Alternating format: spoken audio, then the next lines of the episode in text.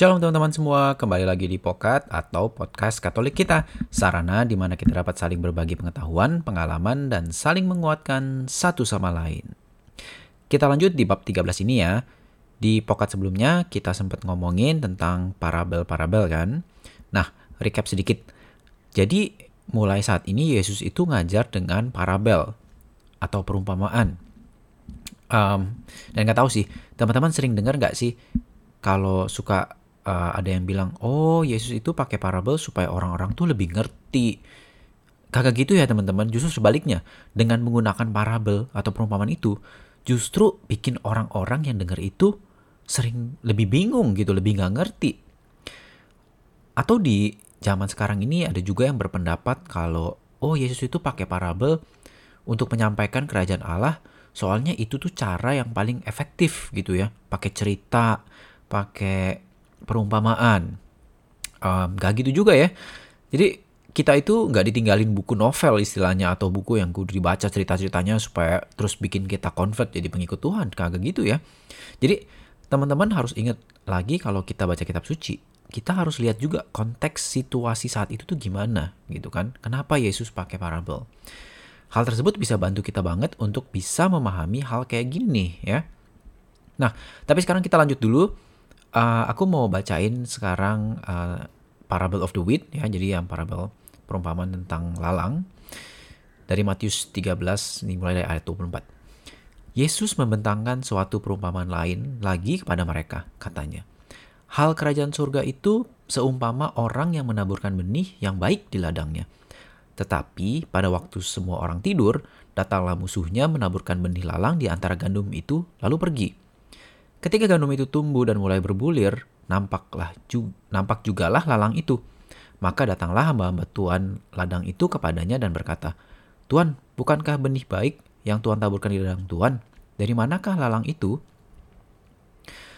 Jawab Tuhan itu, seorang musuh yang melakukannya. Lalu berkatalah hamba-hamba itu kepadanya, Jadi maukah Tuhan supaya kami pergi mencabut lalang itu? Tapi ia berkata, Jangan, sebab mungkin gandum itu ikut tercabut pada waktu kamu mencabut lalang itu.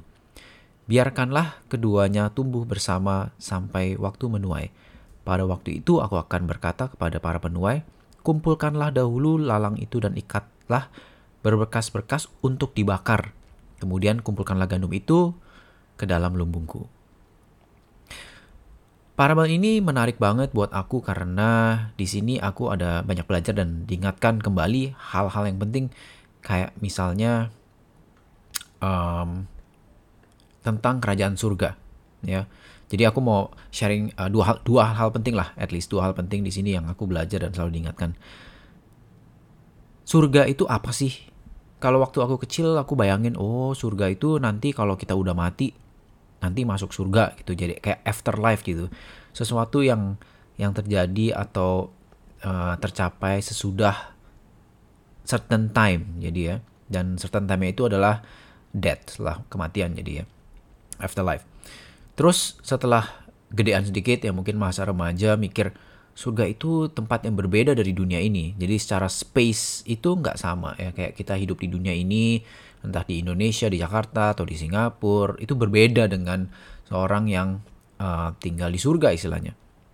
Tapi kalau aku baca parabel tadi apa yang Yesus omongin lewat parabelnya itu kontradiksi banget dengan dua hal yang tadi aku baru mention yang aku pikirin waktu aku kecil dan waktu aku remaja. Pertama, surga itu nanti setelah hidup setelah meninggal afterlife. Padahal di sini dikasih tahu kalau gandum dan lalang itu hidup bersamaan loh. Sampai nanti dibakar lalangnya. Nah, jadi surga itu udah ada dong sebelum afterlife karena hidupnya bersamaan dengan si baik dan si jahat karena kan um, istilahnya surga itu tempat orang suci dan kudus kan. Mana ada lalangnya lah istilahnya, seperti di parabel itu. Nggak masuk akal kan? Nah, di sini um, kita mau belajar untuk set straight pemikiran kita tentang surga gitu ya. Di Injil Matius ini nanti kita belajar juga kalau surga itu adalah tempat di mana kehendak Allah dilakukan atau di mana kehendak Allah terjadi ya. Jadi ketika kita melakukan kehendak Allah, di situlah kerajaan surga ada. Sama lah kayak istilahnya um, kayak kerajaan Romawi dulu lah ya. Mereka menguasai banyak apa namanya banyak region, banyak tempat-tempat lah dan seperti juga mereka menguasai Judea, Israel. Nah, di mana di suatu tempat mereka mengikuti aturan Romawi, membayar pajak ke uh, Romawi, menghormati Caesar, ya artinya kerajaan Romawi itu ada di situ, ya kan? Ngerti nggak kemiripannya? Jadi teman-teman kudu stop, stop mikir surga itu ada sesuatu yang jauh, yang unreachable, yang masih nanti lah. No, no. Surga itu bisa kita rasakan alami saat ini juga, saat sekarang juga, di saat kita masih hidup di dunia ini.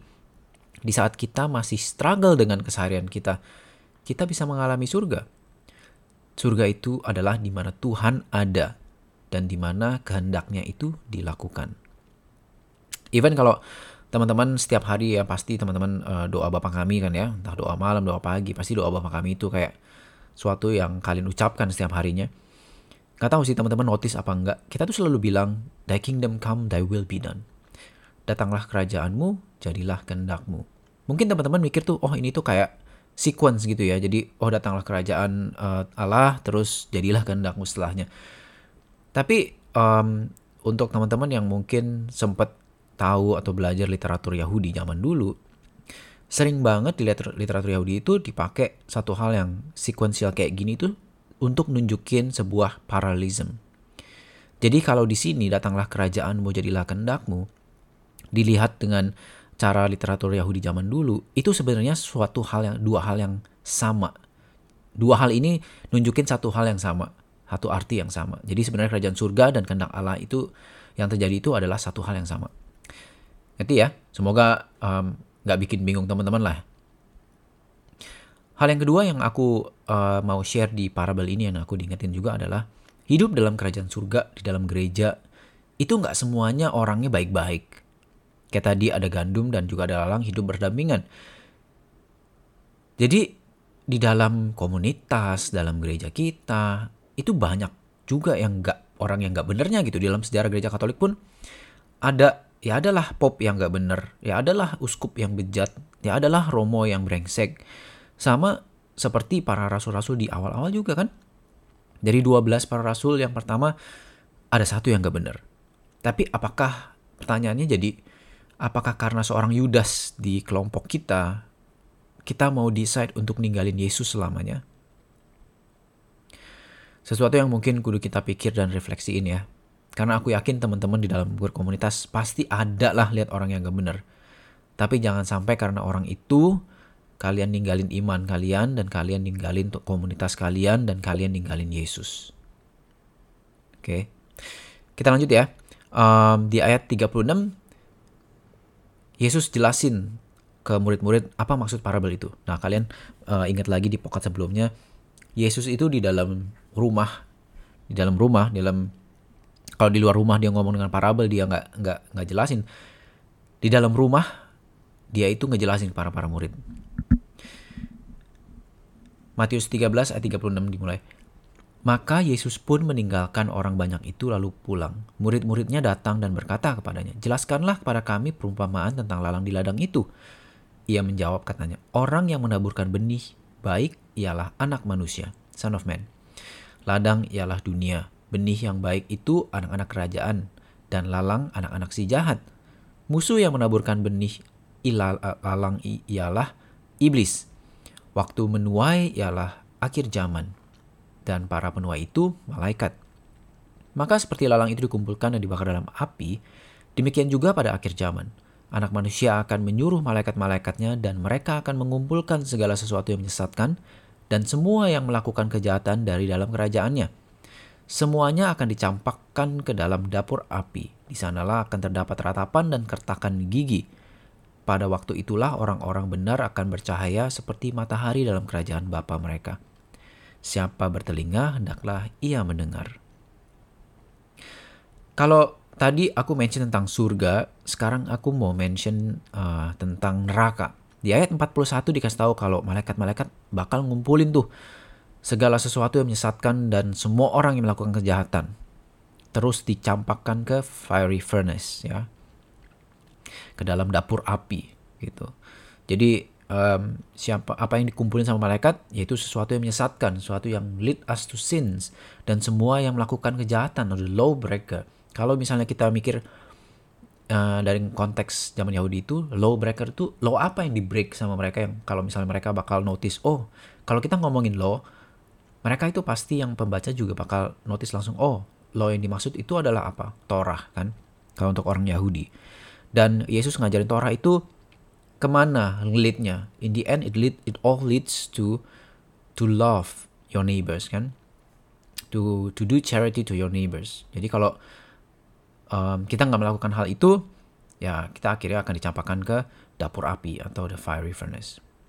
Jadi fiery furnace itu juga image dari eternal judgment ya, di mana siksaan itu nggak berhenti berhenti loh. Kadang-kadang kalau kita hidup di dunia ini, kita tuh setiap dari kita tuh punya problem, ya kan, dalam kehidupan kita Entah itu problem di kerjaan, problem dengan orang tua, problem dengan pasangan kita, atau mungkin kita um, sekarang berada di dalam kesakitan, kita punya penyakit yang uh, kita berharap mau sembuh tapi nggak sembuh-sembuh, kita terjerat hutang, kita ditipu teman, kita dibohongin orang yang kita percaya, dan lain-lain. Apalagi di masa pandemi COVID seperti ini ya, kita lihat kiri kanan orang sak pada sakit, pada uh, mungkin banyak yang meninggal pula dari yang awal-awal kita mungkin nggak kenal orang-orang itu siapa kita baca di berita tapi makin makin menuju ke sekarang ini kita mulai ngeliat kayak oh tetangga kita saudara kita mungkin bahkan orang tua kita atau atau saudara kandung kita pun kena covid gitu kan. Jadi kita merasa makin lama itu hidup tuh makin susah dan makin berat. Semakin dewasa itu kita merasa kayak hidup itu beban banget kan banyak banget bebannya. Dan nggak jarang mungkin kita mikir ah neraka itu mungkin ya kayak gini kayak sekarang ini. Tapi teman-teman aku berani bilang no. Karena hell will be far more worse than now apa pun yang kita apa pun yang kita alami sekarang ini apa pun yang kesusahan yang kita kita jalanin saat ini dan begitu itu tuh benar-benar susah dan benar-benar kita berasa ini tuh udah gak jalan keluarnya. Kenapa? Lebih baik aku mati, lebih baik aku uh, menyerah. Tapi be assured kalau hell will be worse than now. Siksaan yang bakal kita dapat itu di neraka adalah something yang kita nggak akan pernah bisa bayangin sekarang. Begitu juga ketika kita diberikan kerajaan surga, ketika kita mendapatkan beatification, kita akan get something yang kita tuh nggak pernah imagine how great and how beautiful it will be. Nah, tapi mungkin teman-teman ada yang nanya, kok tega sih Tuhan itu ngebiarin uh, jiwa-jiwa atau soul itu menderita selamanya gitu kan? Katanya Tuhan itu baik. Kok gitu sih? Justru karena Tuhan itu baik, Tuhan kasih ke kita apa yang kita mau Teman-teman bingung nggak jadinya? Gini deh, kita bayangin aja sekarang, kita tiba-tiba mati nih ya, kita oh kita uh, kita mati saat ini, terus kita ketemu Tuhan, terus Tuhan tanya ke kita, uh, apa yang kamu mau? What is the one thing that you love the most?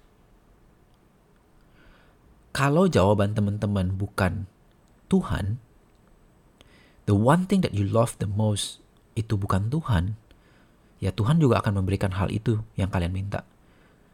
Dan terus terang, hal lain selain Tuhan ketika kita bilang itu, itu adalah neraka. C.S. Lewis pernah bilang, Hell is not locked from outside. It's locked from the inside. Jadi neraka itu bukan istilahnya bukan sesuatu yang kita pagerin dari luar supaya orang-orang itu orang-orang neraka itu nggak bisa keluar dari neraka. No. Neraka itu mereka mengurung, mengunci mereka sendiri. Bukan Tuhan yang nggak mau kita selamat, tapi kita yang decide kalau kita itu nggak mau diselamatkan. Tuhan nggak akan maksa kita untuk selamat. Dia kasih kita pilihan, dan pilihan itu akan nentuin nantinya apakah kita mau dan akan hidup bersama Tuhan selamanya, atau kita decide untuk hidup tanpa Tuhan selamanya. Sampai sini dulu pokat kali ini. Aku tunggu feedbacknya di DM instaku yang @wari.pio.cerat. Thank you for listening and God bless you all.